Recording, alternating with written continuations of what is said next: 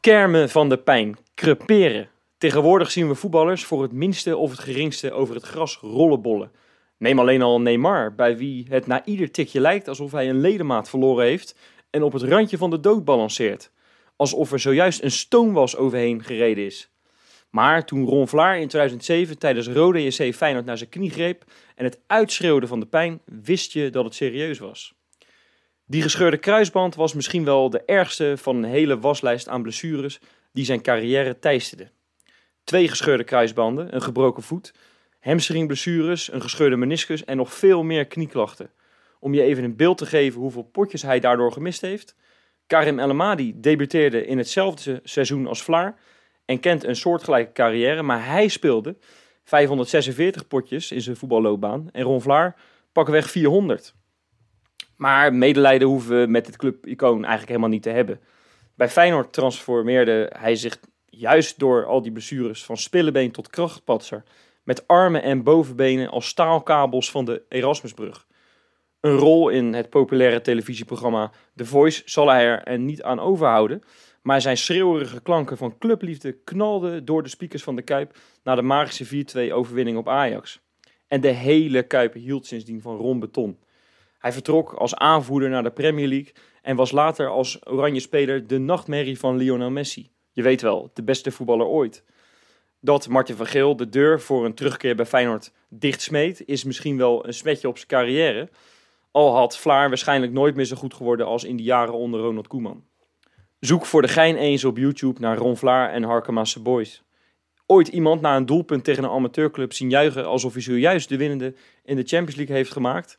Ach, het is Ron Vlaar ten voeten uit.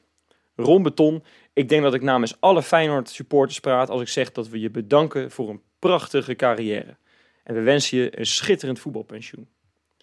Dat was de aftrap van een gloedje nieuwe Keingeloel.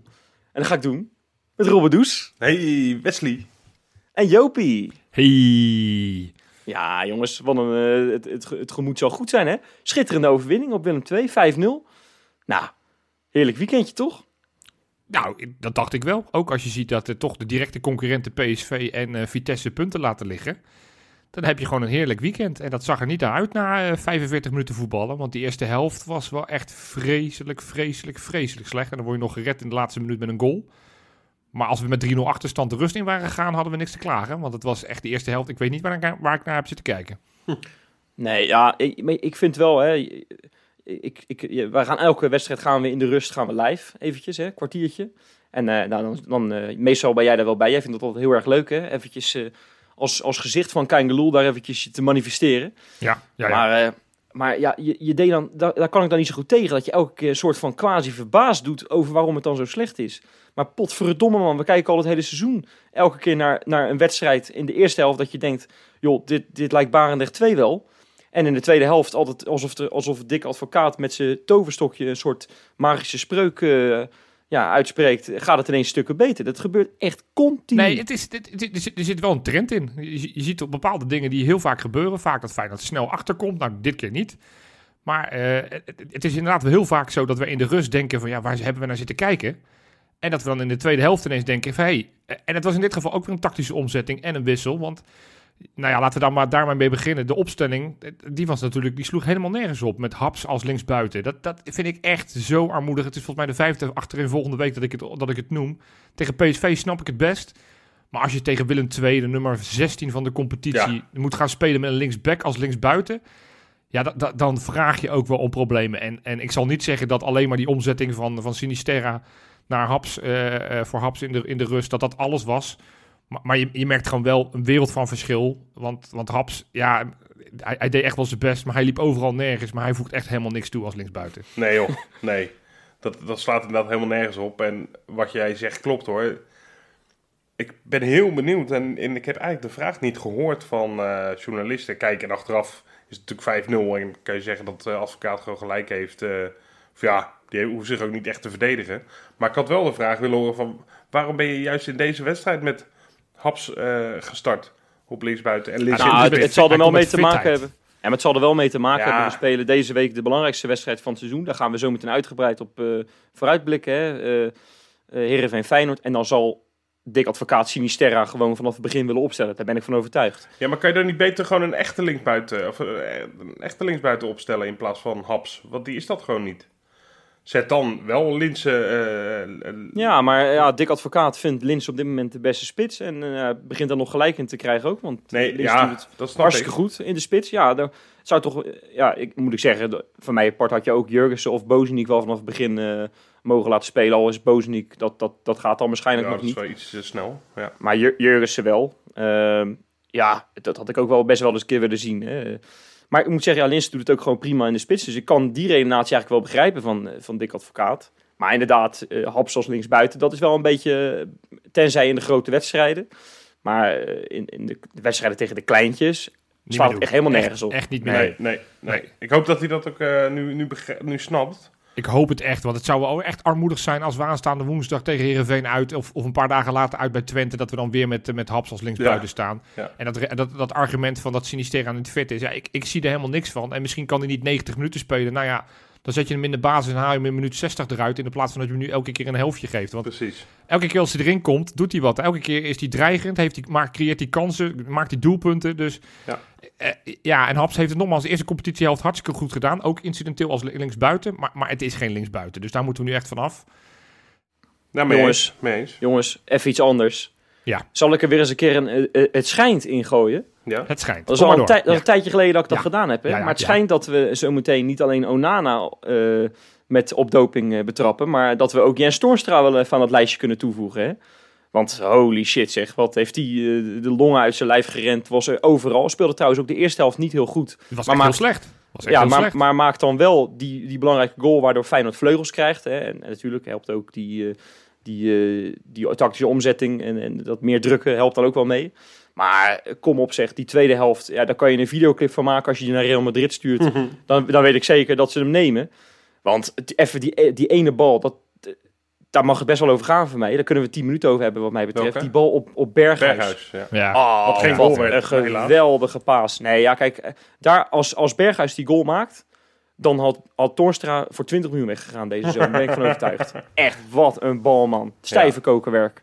Ja, dat heeft hij soms, hè. Ja, dat is, maar dat is zo raar met Toornstra, weet je. We, we hebben die, is- die, die ieder jaar bij ons wel eh, een paar keer onderwerp van gesprek. Als de man die altijd wel weer boven komt drijven, ook als hij er even naast staat. Of even minder in vorm is.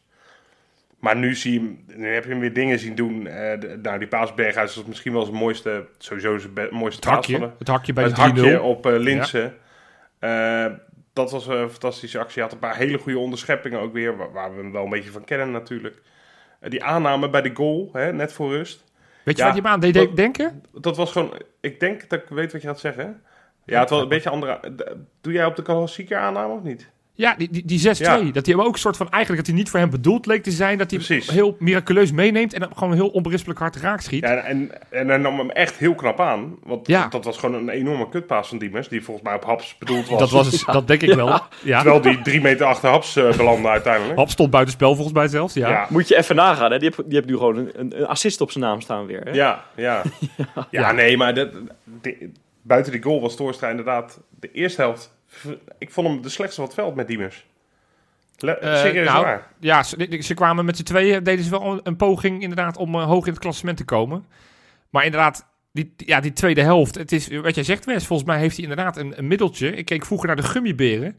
En dan namen ze zo'n sapje en dan konden ze springen en dan waren ze sterk. Ik, dat, dat, dat idee kreeg ik een beetje. Dat, dat, gummiberen. Ja, dit is- Dit Staat- is voor, staat- mijn- voor mijn tijd, moet ik je eerlijk zeggen. Maar, Maar, staat Gummiberensap op de dopinglijst? Ja, dat, dat vraag je dus af. Maar ik, ik, nou, als, als het niet het geval is, dan weet ik wat Jens Torstra elke keer drinkt. Want het is natuurlijk niet voor het eerst dat hij, eh, dat hij weer Feyenoord aan de hand neemt en uiteindelijk weer, eh, weer beslissend Ah, het, is wel, het is wel bijzonder. Hè? Hij is natuurlijk de 30 al een tijdje gepasseerd. Ja, en, en- en je, je, je- elk seizoen denk je, nou, dit is dan wel zijn laatste seizoen in het rood en wit.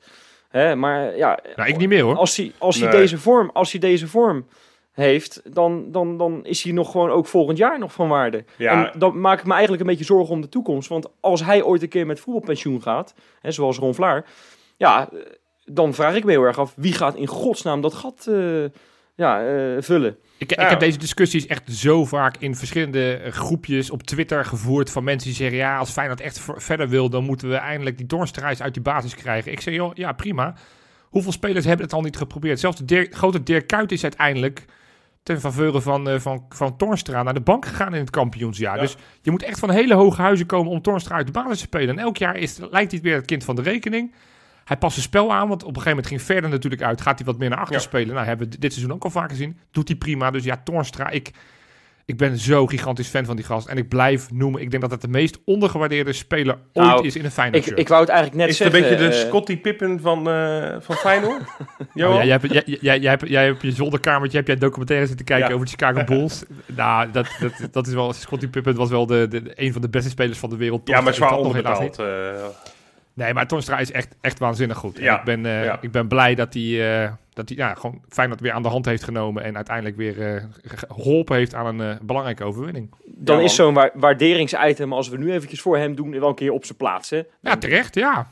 Ja, Nou ja, zeker als dat je dus in staat bent als profvoetballer om, om eh, zeg maar in de rust te denken. Nou, we staan met heel veel geluk eh 1-0 voor. Ik heb verschrikkelijk gespeeld. Voor mij is Toornstra de laatste aan wie je die daarvan moet overtuigen. Die heeft dat zelfbeeld echt wel. Dat je het dan zo kan omdraaien. Knap, hè? en zo de kleedkamer vind ik echt razend knap. Ik wil er trouwens nog wel iemand even in noemen. nou, Ik had het net over Diemers. Nou ja, da- daar ben ik gewoon geen fan van. En voor mij wij allemaal niet echt. Vinden gewoon dat hij eigenlijk, eigenlijk niet in Feyenoord 1 zou moeten Nee. spelen. He- heeft natuurlijk eh, eindelijk Ja. gespeeld. ja. En speelde niet... eh, ik bedoel, hij heeft geen briljante dingen laten zien gelijk. Maar ik zag wel gelijke verschil met... eh, waarom Kukçu, als Kukçu een 6 haalt... waarom die dan alsnog veel meer brengt... dan wanneer Diemers een 9 scoort. En dat is gewoon omdat er veel meer tempo in... Hij, hij, hij paast sneller. Ik vond hem Hij- lekker spelen. Hij beweegt zich, hij Ja, beweegt zich losser. Hij voelt Maar dat- goed je- in. Voor alle invallers, hè? Van, van Nieuwkoop tot en met, met Bozeniek, allemaal vond ik ze goed Ja. invallen. Alle vijf. Ja. Dat doet ik advocaat niet vaak. En natuurlijk, de wedstrijd was al gespeeld, dus toen ze erin kwamen, in de, behalve dan Sinisterra, toen was de wedstrijd al klaar. Maar ik vond ze alle vijf vond ik ze echt heel erg gretig en enthousiast invallen. Ik dacht, nou, dat Nee, is wel maar- lekker. Dat Ja. klopt wel wat je zegt. Hè? En, en, en bij Kukshoe, kijk, ik heb echt dit seizoen een paar keer eh, mijn vraagtekens gezet bij zijn vorm. Want ja, dat, dat sloeg echt soms helemaal nergens op wat hij liet zien. En dan mag je best wel een keer kritisch zijn. Ook al is het een jongen van je eigen opleiding en, en willen we allemaal dat hij groot wordt. Maar als, als hij zo fris speelt, weet je wel, inderdaad, snel. Hij was, hij was continu in de sprintmodus. Dat zie ik hem ook niet altijd doen.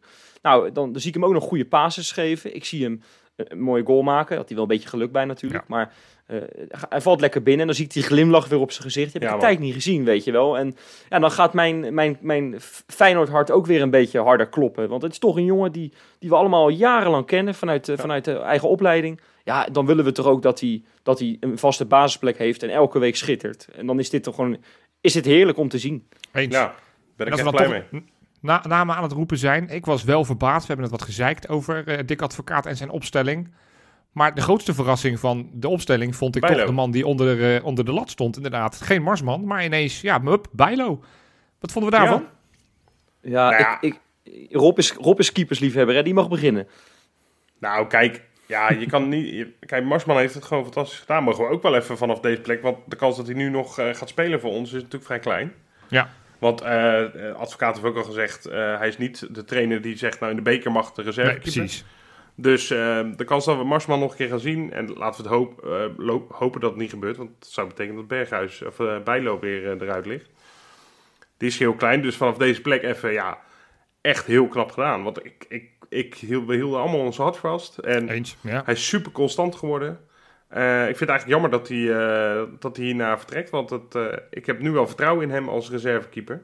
Wij, wij verwachten dat hij vertrekt. Zijn contract loopt Ja. af. Ik denk dat hij nu geroken heeft aan elke week spelen. En dat hij nu denkt, ik ga wel zoeken naar een club als Twente, Groningen. Ja, maar de- zeker dat hij daar aan de bak kan komen. Nou, 100 procent. Ja. Kijk, ze- de geruchten gaan natuurlijk dat Joel Drommel na dit seizoen naar Ajax gaat. Nou, die, als ze slim zijn in Enschede, kloppen ze voor Marsman aan Ja, om hem terug te laten keren. Ja. Want ik moet eerlijk zeggen, als, ik weet zeker als Marsman een seizoen had af mogen maken, hè, dan, dan had hij serieus op de lijst eh, kunnen staan om, om met Nederland zelf dan naar het EK te gaan. Want Nou, iedereen, iedereen oppert nu weer eh, Maarten Stekelenburg. Nou, dat, dat zou ik, eh, dat, dat is misschien ook wel, hè, daar kan je ook wat van vinden. Maar nee, Nick niet, Marsman, man. Nick Marsman is heeft, het- 42, jongen. nee, maar luister nou, Nick Marsman heeft het echt geweldig gedaan. Nee, eens. Ja. Nee, En- ja, en dan- En dan, dat de ultieme beloning is het Nederlands elftal. Nou, Ja. het zou toch gek zijn als je zo goed keept, dat je continu maar genegeerd wordt. Dus, Ja, hij goed, staat ja, bovenaan eh, alle lijstjes volgens mij qua reddingspercentage en dat soort dingen. En eh had ook genoeg te doen natuurlijk. Maar Bijlo Eh, deed het ook weer goed, hè? Had Maar niet- Bijlo heeft prima gekiept en uiteraard moet je nu weer kiezen voor Bijlo. En ik, ik, ik ben zelf een beetje, en daarom ben ik waarschijnlijk ook geen goede trainer. Ik, ik vind het dan, ik heb dan een beetje te doen met Marsman. Dat ik denk, oh ja, weet je, dat is je rol inderdaad. Dan Nou, is de eerste eh, Marsman, eh, de Marsman eerste keert keer- daarna terug in de handen van zijn, eh, van zijn vrouw. En dan hoef je het niet meer medelijden met hem te hebben, kan ik je vertellen. Hij is ook niet zielig, maar snap je wat ik bedoel? Dat ik denk, Ja. ah, Nee, tuurlijk. Ik heb precies het- hetzelfde. had hem het seizoen af laten maken. Maar Ja. aan de andere kant, Bijlo is nog steeds in de leeftijd dat hij lekker veel moet spelen. En eh, heel veel beter kan worden nog. Precies. Kan echt een hele goede keeper worden. Dus eh, ja, tuurlijk moet hij spelen. En dan wil ik toch nog... Ja, we speelden tegen Willem II.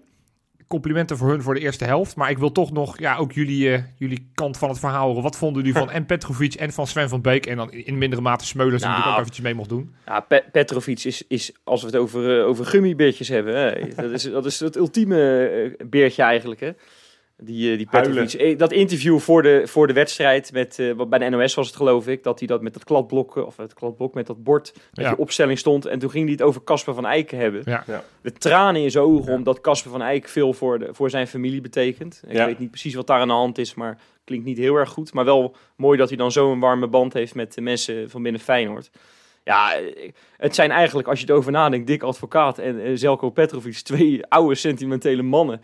Die, eh, ja, als je, die, die, ja, daar kijk ik heel erg graag naar, als die ook wat vertellen en zo. Hè. En ook het feit dat, eh, dat na afloop werd hij nog gevraagd, nou, hoe wilde je Feyenoord gaan bestrijden? Dat hij zegt, ja, met alle respect, eh, ik heb hier net gewerkt, ik ga daar niks over vertellen. Ja, vond ik heel mooi. En, ja, Schattig, dat is, hè? dat is Ja. echt schitterend. Een schitterende man en die gun ik het allerbeste. Eh, Willem II, gewoon een club met echt gras, laat die er alsjeblieft in blijven. Ja, En dat gaat, dat gaat met Sven van Beek ook wel gebeuren, toch? Die speelde echt een vond, van de hem, ik wedstrijd. vond hem goed spelen in de eerste helft. was de beste, beste Feyenoorder eerste helft. ja, ja, ja, ja. Nee, eh, je merkt gewoon, het is gewoon spelen. Wij, wij maken wel eens een grapje, met name jullie, want ik ben daar altijd voorzichtig mee. Dat hij er helemaal geen drol van kan. En volgens mij Wesley werd gezegd, die, eh, dat is einde carrière. Die gaat straks bij de vierde klasse amateur Nee. spelen. Maar je ziet gewoon, als die fit is, kan hij gewoon echt... Bij, in, in de hele eredivisie kan hij gewoon nog een, een, een- een rol van betekenis spelen. Of, of hij kan natuurlijk in het buitenland kan die, eh, furoren gaan maken. Bakens in de vette. Beste week in de geschiedenis van de bakens. Ja, ja, ja, ja, ja. Leslie en ik, zijn, wij, ik zie, jou- wij zien elkaar natuurlijk op pilscherm. Ik, wij schamen ons dat een beetje als, we- als Ah, zo ik, gaat doen. ik, heb, ik heb gewoon zoiets, wij moeten het nog maar zien. ja, Nou, ik, ik, ik zal het je zeggen. Ik, ik was mijn lijstje natuurlijk aan het voorbereiden. En normaal gesproken doe ik een top 3. Ik kon deze week gewoon niet kiezen omdat er zoveel kandidaten waren. Ik heb er een top 5 van gemaakt. Op nummertje 5. Een gedeelde vijfde plaats voor vier mensen. Kermit Erasmus maakte de, maakte de 2-0 in de Afrikaanse Champions League wedstrijd tegen Al Hilal uit Sudan. Die kent ze niet. oh, Verder, goed. Kazim Richards. Met een kanonskogel scoorde hij de beslissende goal tegen Middlesbrough. 2-1 gewonnen. Drenthe maakte weer een goal. De, de, de derde in een 4-0 gewonnen wedstrijd tegen Muleno. En Uzerkup maakte de enige goal in uiteindelijk door penalties gewonnen wedstrijd tegen Konyaspor in de acht kwartfinale van de Turkse beker. Uzercup. Ja, Uzerkup. Op Even- nummer 4. Ja, jongen, we moeten er snel doorheen, want het zijn er heel veel. Op nummer 4. gedeelde, gedeelde vierde plaats voor Diego Biseswar. Die zijn eerste goal maakte voor zijn nieuwe werkgever Apollon Ja, Limassol. dat in, werd wel in een keer tijd hoor, Jopie. Ja. Hallo. Dit was pas zijn derde wedstrijd. Dus na de derde wedstrijd meteen een Ja, goaltje. nou, dat bedoel ik. Dat werd een keer tijd. Lekkere bal. Hij schoot die bal. Het leek alsof hij via de maan ging. Hij schoot die bal keihard omhoog van 20 meter. En hup, zo achter de keeper. Fantastisch. Maar goed, 3-0 gewonnen tegen Larnaca. En ook op een gedeelde vierde plaats staat Luc Castanjos. Die ook zijn eerste goal maakt voor zijn nieuwe Oh. werkgever. Die speelt bij OV Creta. Zij verloren wel met 1-2. En hij had een mooie, mooi intikkertje. Maar goed, eh, ook een doelpunt. Dus ook die heeft weer gescoord. Op nummertje 3 in de 300ste wedstrijd voor Club Brugge maakte Ruud Vormer de goal in een 3-1 gewonnen wedstrijd eh, voor de achtste finale van de beker tegen Royal Antwerp. Hij werd verkozen tot de man van de wedstrijd. Het, het leek meer op een voorzet, maar die eh, vloog als, alsnog in. En hij gaf wel aan dat het uiteindelijk wel bedoeld was als doelpunt. Maar dat doen die gasten natuurlijk altijd. Mag ik 300 wat over, dus. over, hem, over hem zeggen, even snel, eh, Jopie? Want eh, eh, Club Brugge heeft, eh, heeft een schitterende... Die, die volgen die spelers van heel erg dichtbij. Een beetje zoals eh, Ja. Disney nu met Feyenoord doet, denk ik. Maar ik weet niet waarom, maar ik zie die beelden elke keer in mijn timeline eh, verschijnen. En dan zie je Ruud Vormer, ja, die, is zo lekker relaxed, weet je wel. Als die dan Ja. op, op beeld is en zo. eh, dan komt er een nieuwe speler en, en die, die, praat, die praat dan twee woorden Nederlands. Maar gewoon wel in het Nederlands met hem lullen en zo, weet je wel. Ja, Ja, is- schitterende, schitterende vent die Ruud Vormer, joh. Maar als je ook ziet, 300 wedstrijden, 56 goals en 83 assists. Dat zijn Ja, toch wel statistieken voor een Ah. middenvelder daar waar je mee naar huis kan komen. hoor. Aardige cijfers, hè? Ja. Hey, op nummertje 2. Samuel Armenteros speelde met zijn Al Fujera tegen Al Dafra. Stond al heel snel 0-2 achter. Maar ja, daar komt hij hè. De Zweed maakte al de aansluitingstreffer, de 1-2. En hij maakte uiteindelijk ook de 3-2. Won uiteindelijk met 4-2 en stegen daarmee naar plaatsje 12. Het, plaatsje 12 en dat is een punt boven de gevreesde degradatiestreep. Hartstikke Lekker man. knap. En dan op nummer 1, ja weet je, als op nummer 2 een man staat Ik met twee hem. goals. Ik weet hem. En dan op Tevreden. nummer 1, de man met drie goals. Ja, zeker. Mitchell tevreden. Heuse hattrick. Heeft drie goals gemaakt in uiteindelijk een 3-2 gewonnen wedstrijd tegen Al Ain. En nou ja, met name die derde goal was schitterend. Een, een voorzet vanaf de zijkant die die achterwaarts met zijn hoofd inkopt. Een beetje zoals Pelle ook wel kon. En nou ja, ook deze wedstrijd was belangrijk. Want ook hiermee stijgen ze net even drie puntjes boven de degradatiestreep. Dus nou ja, wat een week jongens. Echt wat een week, wat een week. Ja, jij bent echt heel enthousiast, eh, Jopie. Nou ja, maar moet je eens kijken hoe, hoeveel, hoeveel mensen ik had. Ik, weet je, en dan hebben John, Johnston die een assist heeft gegeven, kan, hoef ik niet eens te noemen. Weerman die zijn debuut in de basis maakte en meteen 4-0 wint. Dat, dat, dat kan er niet eens in, zoveel, Nee, zoveel geweldigheid nee, had maar, ik. maar toch even noemen weer. hè. Uiteraard, daar ken je van me. Als Jopie weer op adem is gekomen, dan kunnen we lekker door met item 2. En die gaan we hebben. Gaan we, ja, we gaan het hebben over clubliefde, jongens. Jazeker. Want het was natuurlijk Valentijnsdag afgelopen weekend. En wij zijn Ah. van de, van de hele zoetsappige dingetjes natuurlijk. Hè. Daar hebben we onze rubriekjes voor. Nou ja, dat valt natuurlijk wel mee. Maar ik, ik zag wel her en der zag ik lijstjes voorbij komen over clubliefde. En, en dat zette mij toch een beetje aan het denken, jongens. Om het daar een keer over te gaan hebben. Want Jopie, ja, ja wij, wij hebben wel die clubliefde. Hè? En Rob heeft die clubliefde. En ik en Freek en iedereen die aan deze podcast mee, ook Robin natuurlijk. Hè. Ja. Maar hoe zit het met die spelers van ons, eh, Jopie? Nou ja, van één speler weten we dat dat heel diep en diep zit. Die heeft namelijk op zijn lijf getatoeëerd. Dat is onze keeper, Justin Bijlo. De rest van de spelers, ja, weet je... Het zijn niet meer de tijden van vroeger. Het, het is niet meer dat spelers eh, 20 jaar, zoals Koemelijn, voor, eh, voor één club spelen. Het, eh, het, ja, je weet op het moment dat het grote geld lonkt, denk ook aan Bijlo. Op het moment dat deze zomer een club komt en die zegt, je kan bij ons viervoudige verdienen. Dan kan hij nog van onze club zo ontzettend veel houden. Maar dan gaat een, een, een speler met heel veel liefde, gaat uiteindelijk toch vertrekken. Dus Ja. het is misschien, ja, wij willen dat als supporters zouden we het liefst elf Feyenoord supporters in het, eh, in het veld zien. Maar ja, dat- dat- of dat realistisch is, weet ik niet. Dus misschien moeten we onze verwachtingen ook wat naar beneden schaven. Nou, Ja, ik denk of zo- moet je het daar niet meer afhankelijk van laten zijn? Weet je, als ze eenmaal een grote stap kunnen maken, die, weet je, de competitie van ons is natuurlijk ook geen Premier League meer. Ehm, dus als ze die stap maken, moet je ze ook niet kwalijk nemen dat ze gaan. Dat heeft het ook misschien niet eens alles met club, Het belangrijkste te is wel hoe ze vertrekken. Want je- je- we hebben Ja. in onze geschiedenis... Nou, Wesley heeft het net over Ron Vlaar gehad. Ik weet nog wel, in 2011... Toen had hij nog een eenjarig contract, net als Stefan de Vrij. En, en zij besloten alle twee om hun contract te verlengen. In een seizoen waarin natuurlijk alles tegen, tegen zat, waar, eh, waar- wat tegen kon zitten. Daar waar Ja. bijvoorbeeld een Wijnaldum en Fer, en daar heb ik het ook vaker over gehad, dat ik er gewoon nog steeds wat moeite mee heb. Die hebben op dat moment het zinkende schip verlaten. En Vlaar en, en, en de Vrij die hebben gedacht, we gaan ons contract verlengen. Met ook het idee dat Feyenoord uiteindelijk daar meer kan van, aan verdienen. T- Tapia, ja, die is natuurlijk, die heeft bewust niet zijn contract willen verlengen. En die doet nu hartstikke goed in Spanje. Maar dat geeft dan toch altijd een beetje een nare nasmaak. Ik denk van ja, Ja, maar kijk, dat zijn. Kijk, eh, zo'n iemand als Tapia vind ik een passant. Weet je wel, die hebben we gehaald. Die, die heeft weinig op met de club. Al zat hij wel bij in, in, in de succesvolle jaren. hè. Dat is natuurlijk wel grappig. Maar ik vind bijvoorbeeld ook wel een dingetje. Een jeugdspeler bijvoorbeeld, weet je wel. Die, die, die 13 jaar van je, van je faciliteiten gebruik maakte. En dan, eh, en dan op zijn 16e besluit om naar. eh, nou, misschien dan geen 13 jaar, maar die dan op zijn 16e besluit om naar Engeland te gaan of naar Duitsland. Je hebt nou die, die gasten, die Bogardes. Ja. Ja, die hebben allebei best wel lang bij Feyenoord gezeten. Ja, die, die vertrekken naar, naar van die, van die B-clubs in het buitenland. Maar ja, goed, daar krijgen ze blijkbaar wel eh, een hoop tekengeld. En, en, en, en, en, en dat, vind ik al, dat vind ik al veranderd in, in die hele factor clubliefde. Daar is, gaat, het al, gaat, het, gaat er al iets mis, klaarblijkelijk. Nou ja, mis. Dat is gewoon hoe een, een financieel systeem werkt. Op het moment dat je in Engeland, dan Duitsland of Spanje eh, het, het vijfvoudige kan verdienen. Dan kunnen wij natuurlijk vanuit onze, achter onze microfoontjes heel eh, makkelijk roepen van, joh, ja, schande, schande. Eh, en tuurlijk zou ik het heel graag gezien hebben dat een Tai Chong bij ons had gespeeld. En dat Bogarde bij ons was doorgebroken. En dat in het verleden Ake en Bruma, en dat die niet in, naar Engeland waren gegaan, maar bij ons waren gaan spelen. Maar de realiteit is dat clubs ja, in, in, in, in Duitsland en Engeland met name gewoon heel veel geld te besteden hebben. En daar daar, dat ze daar veel meer geld kunnen verdienen. Ja, en dan snap ik het ergens wel dat als je 16 jaar bent. En je kan het nogmaals daar heel veel meer geld verdienen. En, je hebt ook geen garantie dat als je wanneer je in de Kuip blijft of in Rotterdam blijft, dat je, dat je een garantie hebt op speelminuten. Ja, dan snap ik wel dat je op een gegeven moment een besluit neemt om, eh, om weg te gaan. Alleen ook daar gaat weer. hoe vertrek je? We hebben het vaak over Summerville gehad. Nou, daar heb ik een hele zure nasmaak van. Die heeft een contractverlenging aangeboden gekregen. Feyenoord was zo, zo goed als rond met hem. En toen had hij nog aanvullende eisen, omdat er nog andere clubs uit Engeland waren die hem meer boden. Ja, een puntje bepaalt je wil meneer meer, meer, meer. Ja, dan, dan denk ik, hoepel dan maar ook op. En dan gun ik je ook, hoe vervelend ook, dan gun ik je ook niet heel veel in het buitenland. Nee, nee maar dat is, eh, dat is compleet begrijpelijk. Zo zal bijna elke Feyenoord supporter erover denken. Hè, maar, eh, maar eh, ja, ik weet niet, is het, is het überhaupt... Hè, want, kijk, je zegt wel, het romantische plaatje is natuurlijk dat iemand eh, op zijn eh, zesde of zevende lid wordt eh, van Feyenoord in de jeugdopleiding. Doorbreekt in het eerste, een tatoeage neemt op zijn schouder en, en zijn- en zijn borst. Kampioen wordt met Feyenoord drie keer en uiteindelijk de Champions League ver komt. Het Nederlands elftal haalt en zijn hele carrière bij Feyenoord blijft. Maar ja, goed, dat, dat, dat is onrealistisch. Dat, dat, dat gebeurt Ja, gewoon niet met deze Dat tijd. zijn de spelers die goed genoeg zijn voor Feyenoord. En redelijk tevreden zijn.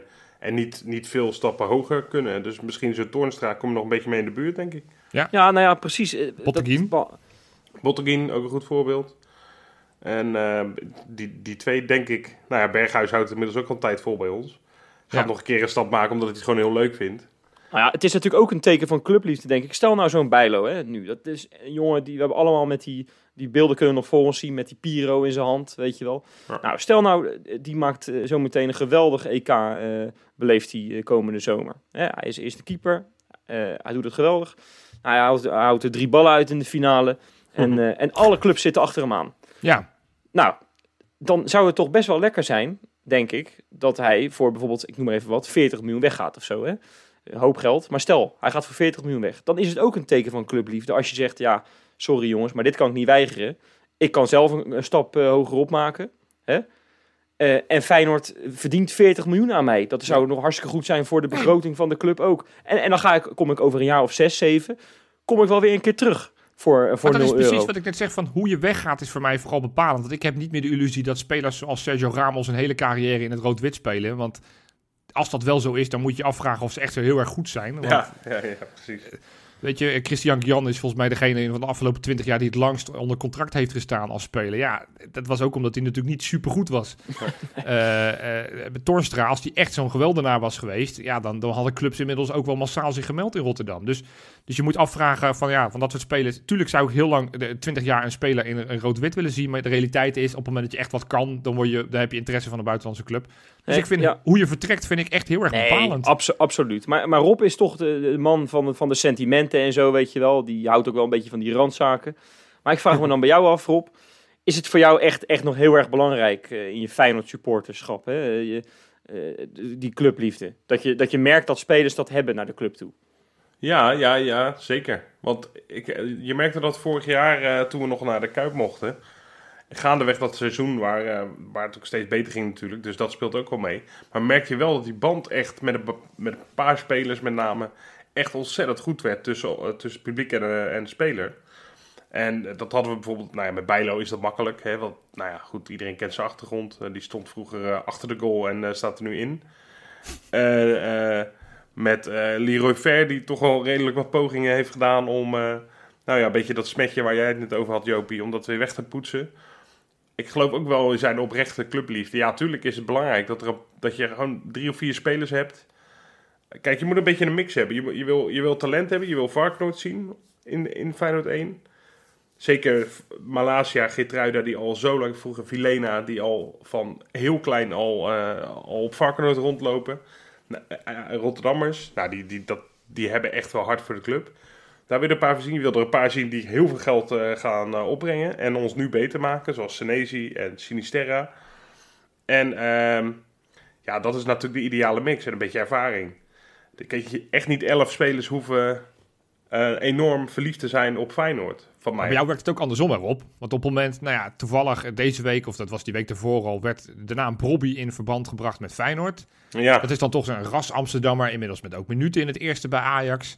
Da daar, heb, daar weet ik van vanuit het verleden. We hebben deze discussie niet per se met Ja, z'n tweeën gevoerd. en Maar ik- ik weet dat, dat jij, ook al zou dat het beste, grootste talent van Europa zijn, dan heb jij zoiets van, nou, flikker dan maar op, ga maar lekker naar Dortmund, maar kom maar niet bij ons. nou, weet je, ik, ik vind dat... Ja, ja, ik vind het een moeilijke discussie. Maar nee, ja, ja, goed, ik kan het ook wel zeggen. Ja, dat vind ik, ja. Ja. En dat vind ik omdat als je, als je zo met iedere transfer om zou gaan, dat, je, dat het je niet meer uitmaakt waar ze vandaan komen.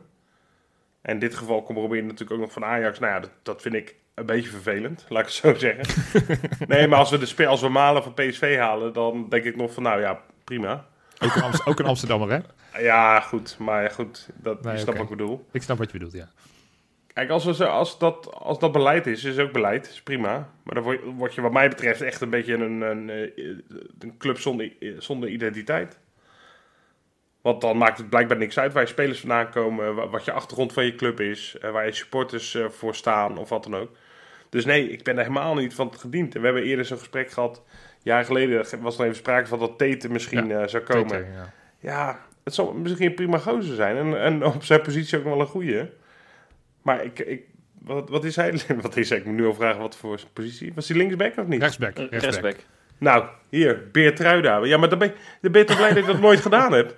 Je hebt nu Geertruiden staan. Nee, maar serieus. En Nee, maar Nieuwkoop ik, ik, daarachter. kijk, ik, ik snap Twee jongens je van. Varkenoord. Ja, Ik vind dat echt fantastisch. En, en dat, weet je, we moeten reëel zijn. We gaan nooit meer de Champions League winnen. Tenzij er eh, een godswonder gebeurt en dat er een eh, enorme investeerder komt. Maar ja, dan moet je ook bang worden dat je identiteit toch een beetje naar de knoppen gaat. Ja. Kijk maar naar de Red Bull eh, eh, clubs Ja, bijvoorbeeld. eh, ja, zeker.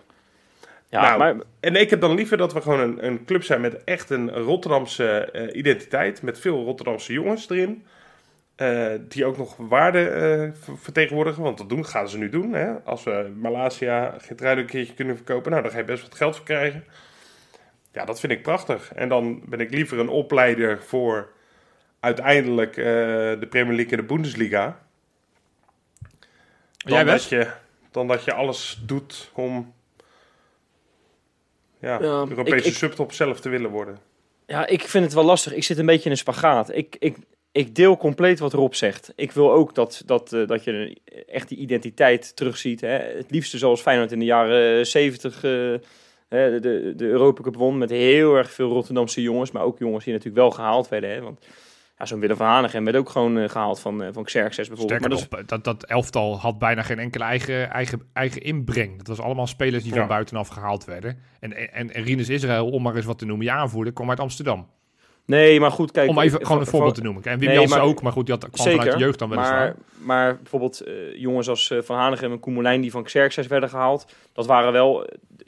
eh, dit was wel logisch dat je die stap maakte. Hè? Ja. Xerxes was gewoon een Rotterdamse club. En, en Feyenoord was natuurlijk de heilige graal in, in, in Nederland op dat moment. En, en toch, dat waren toch voor je gevoel eigen jongens. Ja, nu zie je veel... eh, Het is wel, wij, wij waren toen nog lang niet geboren. Hè, dus ik, nee, maar goed. Als je de- als je- uiteindelijk, kijk, maar, nee, maar mensen, zulke spelers worden eigenlijk steeds groter. Eh, zeker als ze niet meer actief zijn of er niet meer zijn. Tuurlijk, ja.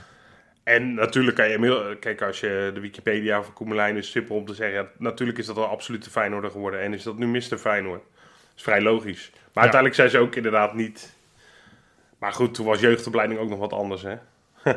Nee, dat, Ja, dat, dat klopt precies. wel. Alleen, en toen, toen stapten er relatief voor mijn gevoel makkelijker spelers over van de ene naar de andere club. Ja. de- onze, onze keeper hebben we natuurlijk toen, vanuit het, het, het team van de 70 hebben we natuurlijk ook van Ajax gehaald. Eh, Anders Ja, maar Wim Jansen. Eh, Wim Jansen komt vanuit Amsterdam. Eh Rinus Israël, weliswaar niet uit. Die hebben niet bij Ajax gespeeld. Ja, Wim Jansen is uiteindelijk wel naar Ajax gegaan. Maar het gevoelsmatig ligt dat nu gevoelig. En op zich vind ik dat niet zo erg. Want ik zit er een beetje tussenin. Want ik wil uiteindelijk kwaliteit. En ja, Ja, maar dat, dat heb ik dus ook, Joop. Ja, want eh, je vroeg er net naar. Ja, kijk, eh, ik wil ook gewoon dat, dat Feyenoord om de titel meestrijdt. En als we daarvoor inderdaad eh, een investeerder nodig hebben die eh, zegt, nou, we halen, ik noem maar even drie namen, hè, Boadou, eh Stenks en Koopmijners op van AZ. Dat je een soort half Feyenoord-Alkmaar wordt. Ja, dat, dat is natuurlijk ergens, is dat, eh, is dat alsof Ja. je FIFA, FIFA aanzet en, en, je, en je doet de investeringsmodus. Maar je noemt nu drie je- spelers van AZ. Dat, ik denk dat geen enkele Feyenoord supporter daar moeite mee heeft. Zeker als Nee. die drie namen Nee, zijn. maar Om- toch, op het is, dat je het daar... is niet, het is niet hoe je Feyenoord voor ogen ziet. Dat je zelf jongens opleidt en je verlogent een beetje je eigen visie. Al moet ik zeggen dat ja, die eigen visie heeft Feyenoord ook al jarenlang nergens gebracht. Laten we heel eerlijk zijn. Nou, weet je wat, wat, ik- wat belangrijk is? is voor mij scouting in de, in de regio. En eh, ik, ik hoor daar wisselende verhalen over, eerlijk gezegd. Over hoe goed dat georganiseerd is bij Feyenoord. Hè, de, scouting begint heel erg eh, klein, hè, dus heel erg Rotterdam. Dan gaat het naar de regio Rotterdam en dan naar landelijk. Hoe ouder men wordt, hoe Ja. landelijker de scouting.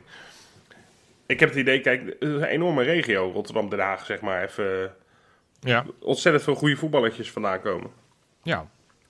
Nou, volgens mij is die pot waar je uit kan vissen best wel behoorlijk. Dat Nou, klopt. zeker. Eh, Als je alleen al bedenkt dat Denzel Dumfries en eh, Memphis Depay in de, in de achtertuin eh, voetbalden. Ja, Ja, die, had je, die had je zomaar eh, bij Feyenoord kunnen, kunnen hebben. Eh, jongens Ja. als El Ghazi die weg zijn gestuurd. Allemaal goede voetballers eh, geworden. Maar goed, en ik ga, zit, nee, Maar dan heb Ja, je het puur over jeugd, weet je. En, en, en dat, dat, ja, dat, dat is een ander interessant nee, maar uiteindelijk begint het daar, nee, maar uiteindelijk begint het daar toch? Nou ja, want het gaat als het uiteindelijk om het eerste. En tuurlijk, eh, in de jeugd is het logisch dat je daar voornamelijk Rotterdamse of in de buurt van Rotterdamse jongens hebt lopen. En tuurlijk wil je het liefst daar eh, zoveel mogelijk spelers van, vanuit de buurt. Maar ik, ik, ik vind uiteindelijk wel dat het draait om kwaliteit. En, en ja, nee, toen Senezi eh, ooit interesse kreeg van Feyenoord, zal hij waarschijnlijk nog nooit van die club gehoord hebben. Maar als je het hebt over clubliefde, het is ook een speler die ook deze zomer weg kan. Maar de verhalen die ik nu wel hoor, is dat hij ook gewoon wil verlengen. Omdat hij het en naar zijn zin heeft hier in Rotterdam. En dat hij denkt, ik wil die club nog wat meer geld geven. Nou, Ja. dat is uitstekend. Dat, nee, dan is hij niet geboren in, eh, op, op, op Charlo's. Maar, maar dan, dan nog Nee. kan ik, kan ik net Ah, zoveel van hem houden. het- jongen, je, je moet nou niet mij als, doen alsof ik eh, dat vind dat ze inderdaad allemaal uit eh IJsselmonde moeten komen. Nee, oh nee, zeker niet. En eh, Nee. ik, ik snap heus wel dat je niet eh, elk jaar voor 11 posities eh, niet- Messi's en Ronaldo's eh, uit de onder 19 kan plukken. Want die heb je natuurlijk niet. Alleen, ik, ik denk wel dat daar de, de nou, focus is een beetje een cliché inmiddels. eh, maar, maar dat, dat mag wel de, altijd de voorkeur hebben wat mij betreft. Ja, Oh, maar kijk, eh, kijk zo, je hebt bijvoorbeeld Atletiek Bilbao in het buitenland. Die hebben alleen maar spelers uit de eigen regio. Dat is een soort, staat in, in die, in Ja. die voorwaarden van die club eh, staat het geschreven. Ja, dat, kijk, dat, dat ga je nooit kunnen krijgen. Maar stel nou, kijk eventjes naar Liverpool bijvoorbeeld. Hè. Dat is wel echt, echt de heilige graal natuurlijk in, eh, in de wereld. De Heilige Maar die Graal, hebben- is dat jouw nieuwe Ja, stopwoord? eh, sorry, ik heb een liedje geluisterd. De heilige graal. Nee, geintje. Nee, maar die hebben Ah, bijvoorbeeld... Die, die hebben, die hebben jarenlang. nee, maar die hebben jarenlang Steven Gerrard gehad. En daaromheen heel erg veel spelers. Ja, die waren uiteindelijk geliefd omdat, omdat er succes kwam. Maar eh, kijk, bijvoorbeeld nu heb je bijvoorbeeld Henderson als iemand die, die, waar iedereen zich mee identificeert daar in, eh, in dat Liverpool. En daaromheen spelers, ja, die gaan voor, uiteindelijk wel weer een keertje weg. Nou, geweldig. Maar eh, dat zou Feyenoord ook moeten hebben. Eén of twee spelers waar, waarvan je echt denkt, ja, dit, dit zijn ze. Dit, als je Feyenoord zegt, zeg je bijvoorbeeld Justin Bijlo, bijvoorbeeld Geertruida. Nou, en daaromheen heb je een hoop spelers die je voor, die je voor, een, eh, voor een hoop waarde... Maar dat is, dat, dat, ja, dat, dat zou ik met alle liefde willen. Maar volgens mij begonnen we daar dit item mee. De spelers die er bovenuit schieten, of het nou een Geertruida is of een Bijlo... Ja, de kans dat die over twee jaar nog bij ons spelen is natuurlijk minimaal. Nee, maar daarom zei ik al in het begin: van je, hoeft, je moet dat helemaal niet aan. eh clubliefde moet, moet je helemaal niet hangen aan. Blijft iemand de rest van zijn leven bij Feyenoord? Want als dat zo is, dan is het geen. Is misschien een goede voetballer, maar geen geweldige voetballer. Nee. Dan Ja. blijf je niet in Ja. je Het hele is trouwens wel is het- andersom wel bij mij zo. Van op het moment dat er dan toevallig eens een keer ergens een speler die niet bij Feyenoord speelt, maar die in de Eredivisie actief is en dan zegt, ja nee, Feyenoord is altijd vanaf jongs af aan mijn club. Dan merk ik toch dat ik zo'n speler toch interessanter vind. Dat ik denk, hey, die moeten toch, toch in de gaten. We hebben natuurlijk in het verleden, ja, inmiddels speelt hij in de hoofdstad, hebben het met die keeper van, eh, van Emmen, die, die Scherpen die dan inderdaad verteld had dat hij Feyenoord supporter was. Nou, en verder daarvoor nog hebben we Pascal Bosgaard gehad. We hebben Danny Buis, nu is een naam die met de binnen schiet. Nou, ik zou Ja. je vertellen, Jopie, ik, ik las vandaag in het AD dat Sander Duits eh, zijn hele leven lang eh, Feyenoord supporter is geweest. Ja, daar hebben we niks aan gemist natuurlijk. Maar Nee, ik heb Maar- Patrick, Patrick Pothuizen was ook zo'n speler die ook zo'n Ja. fijne tatoeage had. En, en, en dan denk ik, ja, nee, dat is hartstikke leuk. En, en ergens is het een heel romantisch idee. Maar uiteindelijk, daarom zeg ik net, van kwaliteit vind ik wel bepalend. Want dat er iemand toevallig eh, vroeger een, een seizoenkaart had van Feyenoord toen hij 12 was, ja, betekent natuurlijk niet dat hij goed kan voetballen. nee, dat is waar. Dat is waar. En dat zijn toch wel dingen, die, daar moet je ook niet aan voorbij gaan. Hè? Kwaliteit, dat is gewoon uiteindelijk het, het belangrijkst. Eh, maar eh, jongens, even snel. eh, als jullie aan Feyenoord denken en aan clubliefde, wie staat voor jullie echt symbolisch daarvoor? Rob, begin maar eens. Jezus. Eh, ja. Ja, ik ben zo heel snel geneigd om iemand uit een hele oude, heel lang geleden te noemen. Dat ga ik dus even niet doen. Wel van iets recenter. Maar bijvoorbeeld... ehm, ik vind Bahia of zo wel een mooi voorbeeld. Zo, van alle namen die hij kon noemen, komt hij bij Bahia. Die had ik niet aan zien komen, Rob. Nee, maar dat is toch geweldig? Die moest ik huilen toen die, die moest een jaar later bij reportage nog huilen dat hij weer, weer thuis was in Brazilië. En dat hij Ja. niet bij in de Kuip meer speelde.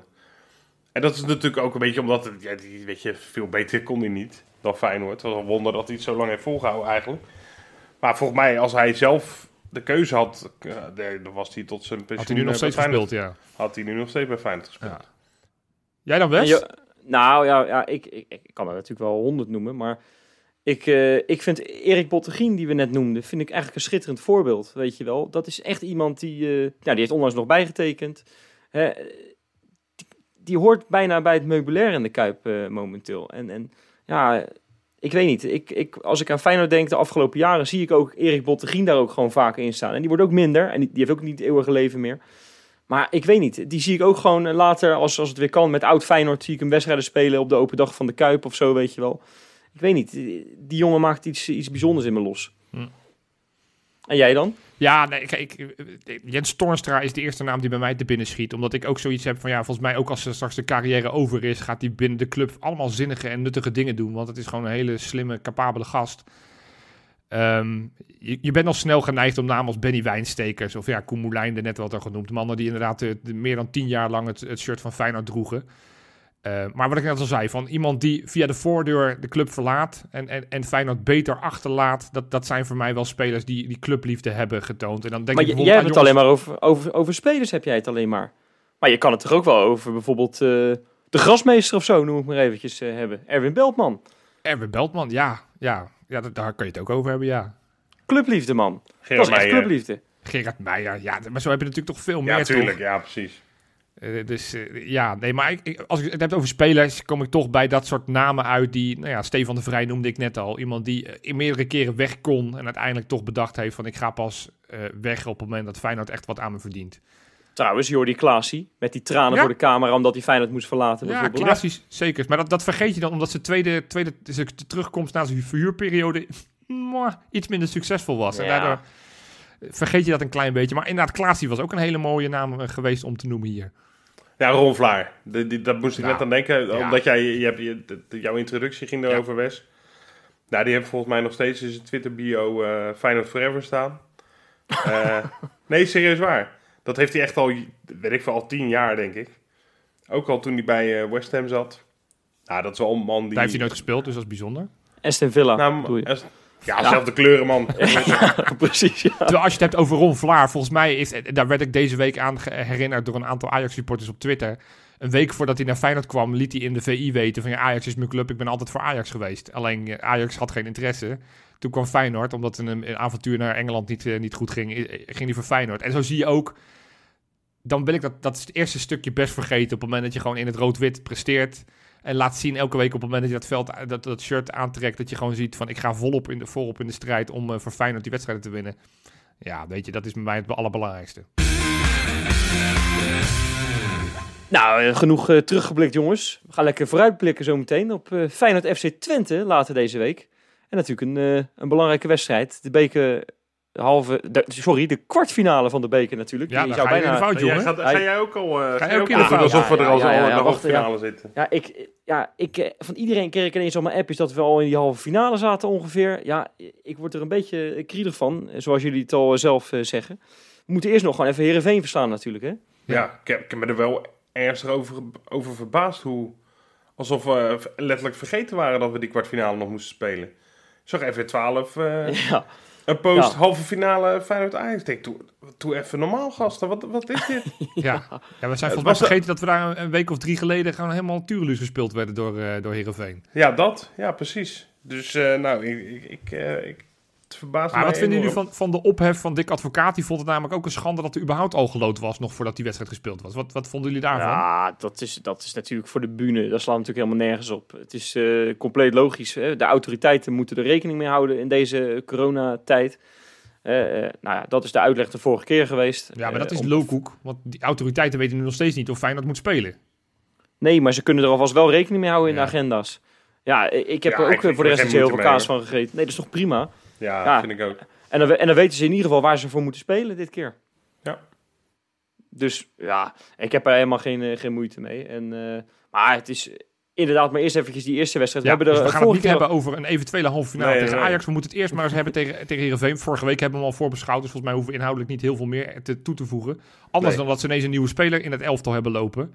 Eentje die wij in Rotterdam volgens mij wel aardig uitkotsen. En dan toevallig ook nog deze week op het eh, scoreformulier eh, stond. Ja, lastig Extra reden om, om dat ach- achterlijke, vreselijke, vervelende Heerenveen te slopen. Want Het Nou. wordt wel een ver- vervelend team zo. ja, met en, eh, Siem de Jong en nu Lasse Schöne. Ja, ja. Nou, en Erwin Mulder tegen Feyenoord vind ik ook nooit zo heel erg leuk. Want die, die houdt namelijk altijd de nul op de een of andere manier. Nou, ik heb hem wel zien grabbelen, zeg, tegen AZ. Ja, nou ja, lekker. Als dat een voorbode is voor komende, Ja. komende week, dan, ja, dan weet ben je- wel tevreden mee. Volgens mij wordt het gewoon... eh, maar we hebben het inderdaad al een beetje besproken, dus we moeten het niet al helemaal over gaan Nou ja, doen. kijk, kijk Johan zei eh, in onze groepsapp van... eh, want wij maken altijd van die plaatjes met voorspellingen voor later... nou, toen zei Johan, we kunnen gewoon dezelfde voorspellingen doen, toch jongens? Nee, ja, vind ik dus niet. Want met, dat, met die Schöne hebben ze wel degelijk een kwaliteitsimpuls eh, van je welste, dat maar die, Heerenveen. die, die, die zou gewoon op de bank gezeten hebben op het moment dat Joey Veerman fit was geweest, hè? En Joey Ja, Veerman is dat, speelt... al, is dat al duidelijk of hij die wedstrijd mist tegen Feyenoord? het twijfelgeval. Was nog niet duidelijk of hij woensdag mee kan spelen, dus dat zien we woensdag. Dus als hij speelt, ga ik ervan uit dat Lasse Schöne lekker op het bankje zit, daar waar hij thuis hoort. Ja, en als hij wel speelt, we gaan, we- is, zijn we nu echt afgezakt tot het niveau dat wij ons doodsbang maken of worden van, van het wel of niet meespelen van Lasse Schöne? Nou, nee, Ik hoop niet, dat hij speelt, want dat betekent dat Veerman niet meedoet. En dat vind ik nog wel een betere speler dan Lasse Schöne, met alle respect. Ja, Ja, maar weet je wel, wel- een punt. Ja, weet je wat, eh, wat het is? Ik, eigenlijk, je moet blij zijn dat je eh, zo'n blamage hebt eh, gehad tegen. Heerenveen. Dat je nu in ieder geval weet wat je anders moet doen. En eh, goed, dat weet Heerenveen zelf ook wel. Dat Feyenoord Ja. niet op dezelfde manier komt eh, daar zo. Dus eh, ik heb er wel vertrouwen in hoor. 0-2. En als Dick, oh 0-2, heel goed. En als Dick Advocaat twijfelt van hoe moet ik ze nou te gaan bestrijden. Deze week komt er een filmpje van ons. Gemaakt met onze ja, huisschrijver, wou ik zeggen. Mats de Leeuw den Bouten. Die eh, tactisch zoveel fantastische inzichten heeft over hoe we nu tegen dat 4-4-2 moeten gaan spelen. Want dat zullen we de komende weken nog wel vaker tegen ons gaan krijgen. Dus ga dat Nou, vooral zien. Dat, ik denk dat dat filmpje, dat, dat zou best wel een Oscar kunnen winnen hoor. nou, dat, dat, daar ga ik Of, wel of, een, vanuit. of, een, of een Emmy, want ik heb me helemaal de blubber gemonteerd. Dat is niet te geloven. Ik, kan- ik kan het helemaal niet zo goed. Nou, ik, ik kan je nu vertellen dat eh, ze kunnen mij inhuren om, eh, om, om de volgende Rocky te gaan, eh, te gaan monteren hoor. Geen Ja, enkel probleem. Nou, ik, ik, ik verwacht dat je zo aan kan sluiten bij Feyenoord als videoanalist. Nee, mijn voorspelling, ik zei vorige week 1-2, daar hou ik het bij 1-2. Dus maar ja, Wesley, jij was de enige die zijn voorspelling wilde veranderen, dus kom maar door. Ja, ik voorspel toch wel wat moeilijkheden. En dat gaat een 2-2 worden in de reguliere tijd. Ook, ook in de verlenging komt er geen goal meer. Gaan we dus pingels nemen. Nou, Ja. Pe- gaan we dit keer niet zien. Nee, want die speelt bij Maar we gaan wel, maar Bozeniek gaat het doen met een hakje vanaf de stip. Kan dat? of, achter, of, achter, of achter een standbeen of zo. Dat zou toch steengoed zijn. En dan in de kruising en de winnende. Het, eh, eh, eh, nou, ik denk dat we dan wel de, hele wereld overgaan. Maar ik denk dat ik dan wel denk van, wat is die gozer een mafkees? Dus nee, ik hoop dat, dat, dat de jong toch gewoon met zijn met zijn gezicht naar de goal hem eh, schiet. Oké, Ah nou ja, gekke, ge gekkigheden We natuurlijk. gaan gewoon ja, door. We gaan gewoon Ja. door. Kom op. We, we, we hebben inderdaad een paar weken Ja. geleden zijn we vreselijk afgegaan. Dat gaat niet, ons niet nog een tweede keer gebeuren. We gaan gewoon winnen van Heerenveen. En Ja, als, maar- dat, als dat lukt, dan krijgen we dus zo'n vreselijke klassieker weer. Ja, maar dat, dat, dat, gaat- dan doen we het nu alsnog. Dan gaan we, dan gaan we het dan, dan weer over hebben. Eerst maar eens winnen. Zo geen zin in. Ja, nou, zullen we het dan maar even... oh, ik zeg net gekkigheid. Zullen we het dan maar even over andere gekkigheid hebben? Op sociale media, jongens? Leuk.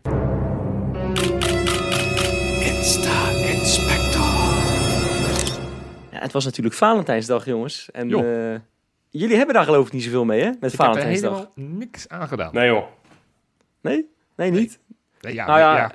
Ik, Nee. ik heb me helemaal schil zitten zoeken naar de, naar de geweldige bos bloemen van, eh van Bozeniek. Want dat doet hij namelijk elke, elke Ja. maand als hij verkering heeft. Een grotere bos, hè? een bloemetje erbij. ja. Een roosje erbij. Nee, nee, niks kunnen vinden. Maar die, zal- die zal het ongetwijfeld gevierd hebben. Want die, die had natuurlijk de Valentijnsdag van zijn leven.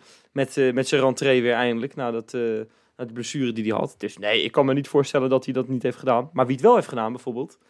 Ja, Jurgensen en Theresa. Dat is een zoetsappig paar, jongen. Dat gaat helemaal nergens over. Die hadden ballonnen, van die heliumballonnen hadden ze door het hele huis hadden ze die eh, opgehangen en, en opgeblazen. Dat ging helemaal nergens over. Dat, dat, dat, dat, die, dat die flattoren waar ze in wonen niet per ongeluk naar de maan is opgestegen door Up. al, dat, ja. al, die, al die helium, dat is nog echt een wonder. Maar, Maar die maar denk je nou echt... Ik, ik zie dat dan zo voor me. Zie je dan Jurgensen zo die avond voor Valentijn... Zaterdagavond al die ballonnen opblazen. Volle, volle bolle wangetjes. Nee toch? Dat is toch Theresa? Dat helium. he- Oh, het zijn heliumballonnen. Ja. Zei je Ah, toch? Ja, ja, ja, helium, ja. Nee, Nee, het ik zou niet best zijn als dat uit je mond komt. eh. Nee, nee maar dat, dat is toch, komt toch puur uit de koker van Theresa. Ik geloof er helemaal geen hol van dat Jurgensen daar enige waarde aan hecht. Maar die doet dat voor zijn vrouw, omdat die anders eh, eruit gezet wordt. Ja, dat, dat denk ik ook wel. Ja, dat denk ik ook wel. Ze hebben ook allebei een liefdesbrief naar elkaar geschreven, weet Och, je wel. Ja, Man, het, is, het, komt een beetje geforceerd over ook, hè? Ja. Maar ja, nou ja, goed. Maar het, het, is, het is mooi dat ze het op die manier vieren. Ja, en eh, En met de kleine erbij natuurlijk. Hè. Kijk, Louis Sinisterra pakt het dan bijvoorbeeld heel anders aan. Die, eh, ja, die, die, die heeft helemaal geen Valentijn. Nee. Dus die heeft gewoon een plaatje van eh, Call of Duty Warzone. En eh, happy, Kijk, happy, happy Valentine's Day, weet je wel. lekker knallen, ja, tuurlijk. Lekker knallen op, op een andere manier dan weliswaar. Lekker man. Ja. Eh, we gaan even, eh, ja, ja steen goed. En eh, onze nieuwe, nieuwste aanwinst, Balde, wat dacht je daar dan van? Ja, dat is toch... Ja, wel lief, hè? Lieve jongen is dat, Ah. hè, aan het worden. Over Dat clubliefde gesproken. Ja, Ja, die heeft dat wel even goed... eh, goed eh, die weet gewoon hoe het werkt. Laten we dat eerlijk zijn. Ja. Want die heeft alle Feyenoorders even gefeliciteerd met de overwinning op... eh, tegen wie speelden we ook alweer? Tegen Willem II. en iedereen een fijne... Ook met de kracht van God erbij, een fijne Valentijnsdag. Ja, is dat eventjes mooi, Jopie? Maar die, maar die gozer is zo... Het is zo hartverwarmend hoe schattig die, die inderdaad op Instagram actief is. Dat die... Nou, als je het hebt over supporterschap, het lijkt alsof hij al 22 jaar eh, Feyenoord volgt vanuit Ja. Senegal. En nu eindelijk denkt, ik mag, ik mag. Dat hij gewoon al blij is dat hij een shirt heeft gehad gratis. En dat hij nu elke keer denkt, oh, ik mag straks op de tribune zitten. Dan mag ik ze aanmoedigen. het, is, het is zo hartverwarmend. En, en ja, ik hoop dat hij kan voetballen, want dan wordt het een sensatie. Maar, maar, maar vooralsnog is het, elke euro is het waard geweest. Ik, ik geniet van die gozer. Ja, nou ja, en- deze Valentijnsversie van de Inside Spectrum mag dit niet ontbreken. Het zoontje van eh, Mark Diemers, samen met het eh, dochtertje van Bart Nieuwkoop, Leo en Zoe. Ja, steen goed bij elkaar. Leo's knappe vriendinnetje staat er op de foto. Nou, is dat even leuk? Leuk, ja leuk. schattig. Ja, Steen toch? goed. Hartstikke geweldig. En we hebben ook nog echt vers van de pers. Nou, oké, alleen RTL Boulevard was ons voor. Maar goed, vers van de pers kan ik toch bijna wel zeggen. Ja, ik, ik kende hem eigenlijk bijna niet. Hoe heet hij? Lont? Keanu Lont Onze- van onder ja, 21. Ja, nou ja, goed. Wie kent hem niet? Die hebben we echt eh, drie keer aan het werk gezien. Toen ging die competitie natuurlijk al eh, Ja. ging eruit. Ah, eh, ik was wel een beetje verbaasd. Die heeft eh, toch best wel een eh, leuke presentatrice ja, eventjes aan de haak geslagen. Veronica, die kennen we allemaal nog wel van TMF, geloof ik wel. Heeft ze gewerkt. En RTL Boulevard geloof ik ook nog wel. Ken je die, Rob? Hè? Veronica? Ken je Veronica niet? van Hoogdalem, jawel. Ja, ik kende haar. Ik, ik herkende haar. Ja, is een bekende, is een bekende. En het is nu aan het mocht- googelen. Ja, aan googelen, ja. Die mocht, gisteren mocht het uiteindelijk Oh, ja. in, in die Open, op Valentijnsdag, mocht in die Open zijn een setje. Nou, hoe hebben ze dat gevierd? Ze zijn s'avonds naar een concert geweest. Dan zie ik jullie allebei denken, een concert? Hoe kan Ja. dat nou? Ja, zeker. Allemaal in de auto en op de rode loper eh, was het eh, Rolf Sanchez en je broer onder andere en zo, weet je wel. Dat soort eh, gasten. Maar ja, Wes, even, nou, ik snap één ding echt niet. Nou, Want jij, je hebt gelijk, Wes. Letterlijk, RTL Boulevard en de Telegraaf waren je voor. Want die hebben letterlijk hier je aandacht aan besteed. Ja. Veronica van Hoogdalen weer gelukkig in de liefde. Maar hoe, oud is Lont? Lont is 20. Ja, en, Ja, en, ik en- dacht- Zij is, een- zij is dat 31. is 31, ja. Dat is, dat is, eh, Ja, ik dacht ook, ik dacht, maar die gozer die heeft toch gewoon een kind of zo? ja, eh, die, Jopie? die heeft ook een kind inderdaad. Ja, het is die, eh, Jeetje bij zijn, presentatie afgelopen zomer toen hij gehaald werd van, eh, van ADO. Toen inderdaad stond hij met zijn, met zijn kind van één of twee op de foto. Dus nee, dat is... en, nou, in ieder geval vooralsnog maakt hij meer furoren buiten de lijnen. Terwijl het wel een leuk Oude- spelletje is hoor. Oude snoepert is het. Oude snoepert. Ja. En, eh, en eh, nog één dingetje, jongens. Als we Ja. het toch over Valentijnsdag hebben. Ja, Dirk Kuyt is toch ook wel een soort van symbool voor clubliefde. Hè? Terugkomen en eventjes een schaal winnen. Die gaat lekker aan de slag bij, eh, bij Zero Sport. Als, als analist voor de rest Ja. van het seizoen. Nou, is dat even leuk, Jopie? Nou, Heb ja, ik jou plezier gedaan om, om, om Van Persie met zijn paard dit keer niet te benoemen?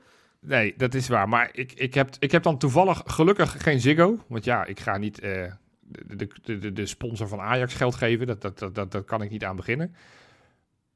Maar ik denk, ja, ik vind Dirk Kuyt zou ik in heel veel rollen heel erg geschikt vinden. Maar als analist denk ik echt dat het heel snel Ja, tv-uitzetmoment is. Hoor. het zijn Want wel domino spra do, dominee Ja, spraakjes het van is- je welste. Dat denk ik wel. Dus ik denk dat, dat, dat, dat hij toch even iets anders moet gaan overwegen. Want dit vind ik ook wel heel sneu. Het begint nu echt sneu te worden. Weet je, die gozer heeft heel veel in zijn mars. Is, eh, weet ik hoeveel interlands gespeeld Ja. voor Oranje.